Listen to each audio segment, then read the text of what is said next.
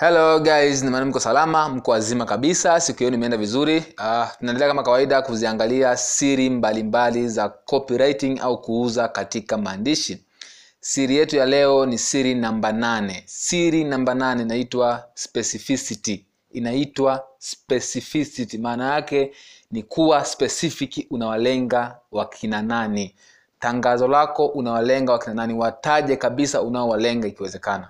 Okay Uh, kwa hiyo maana ya specificity yani unakuwa specific kwa walengo wa tangazo lako moja kwa moja. Ili mtu akiona tangazo lako vup ajue kabisa linamlenga yeye.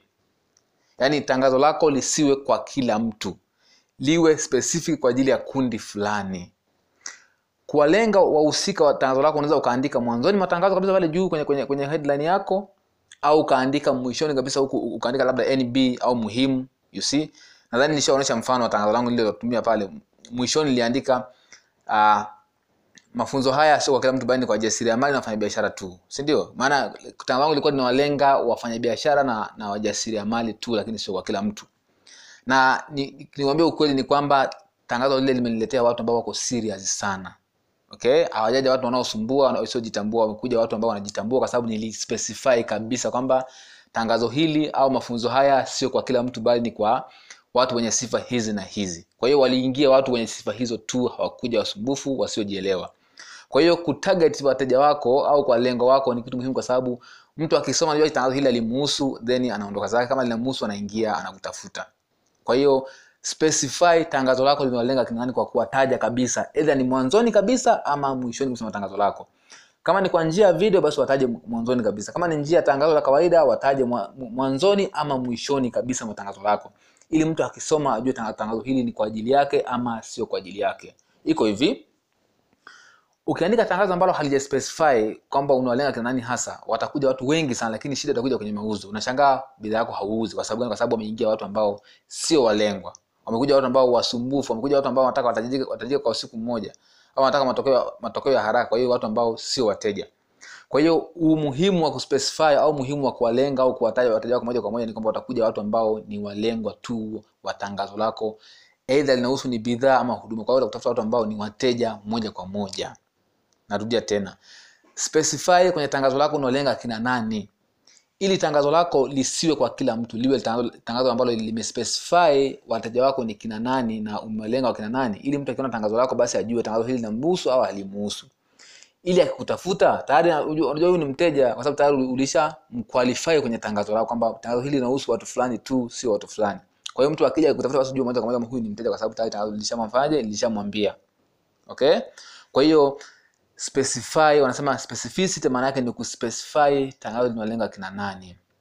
Na hii ni muhimu sana katika tangazo ni muhimu sana katika tangazo lako. Lazima tangazo lako lilenge kundi fulani la watu lisiwe linauza bidhaa kwa kila mtu au sio unatangaza kwa kila mtu? Hapana. Ukitangaza kwa kila mtu utaishia kupata kila mtu. Na kupata kila mtu utaishia kuuza kuuza kwa hakuna mtu yoyote yule. Yaani hutauza kote kwa sababu umewalenga watu sio wenyewe.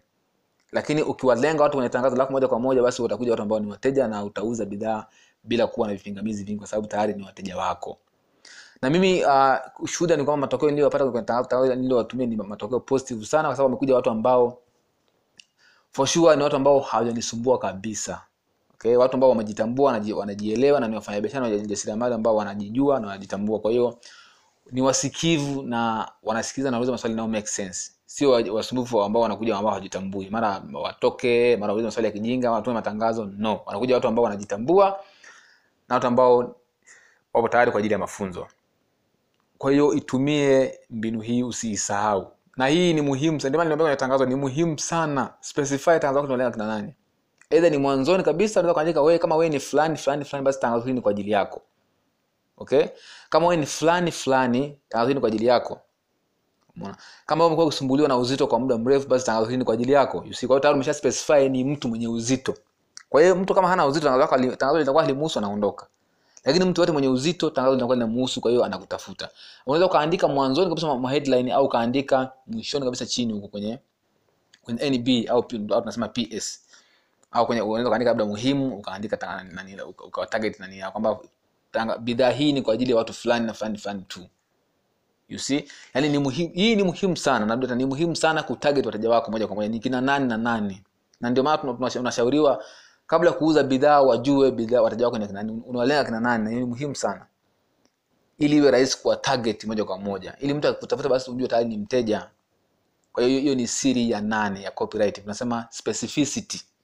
Specificity maana yake ni kuwa specific unalenga kina nani. Tangazo lako linalenga kina nani wastaje kabisa kwa, maji, kwa, kwa, kwa, kwa sifa zao. Wana sifa gani hao walengo wako? Tunasema interest zao ni nini? You see mimi pale nilisema kabisa wajasiriamali na wafanyabiashara. Basi lakini hao wengine hawanihusu.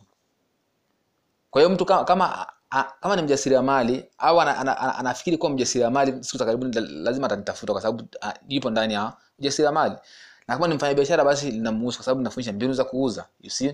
Kwa hiyo ni kitu ambacho kime- kimespecify kabisa lengo walengo wa kundi langu ni kina nani.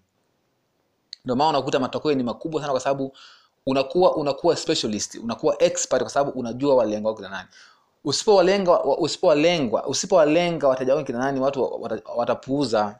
Kwa sababu watajua wewe unarusha jiwe angani hujui unaomlenga. Lakini ukiwalenga basi wateja wako wanajua mtu yuko serious na anajua anachokifanya. Kwa hiyo watakutafuta watu ambao wako serious na wanaojitambua. Hutopata wasumbufu watakuja watu wanaojitambua tu. Na itakuwa rahisi kuuza kwa sababu ni waelewa sio mnanisoma hapo. Kwa hiyo tumia mbinu hiyo. Tumia specificity au, au specify walengwa wa, wa, wa tangazo lako au bidhaa yako ni kina nani either ni mwisho uh, mwisho wa matangazo lako au mwanzoni mwa matangazo lako walengwa ni kina nani. Itakusaidia sana sana sana kupenyeza bidhaa yako kwenye soko haraka kuliko washindani wako.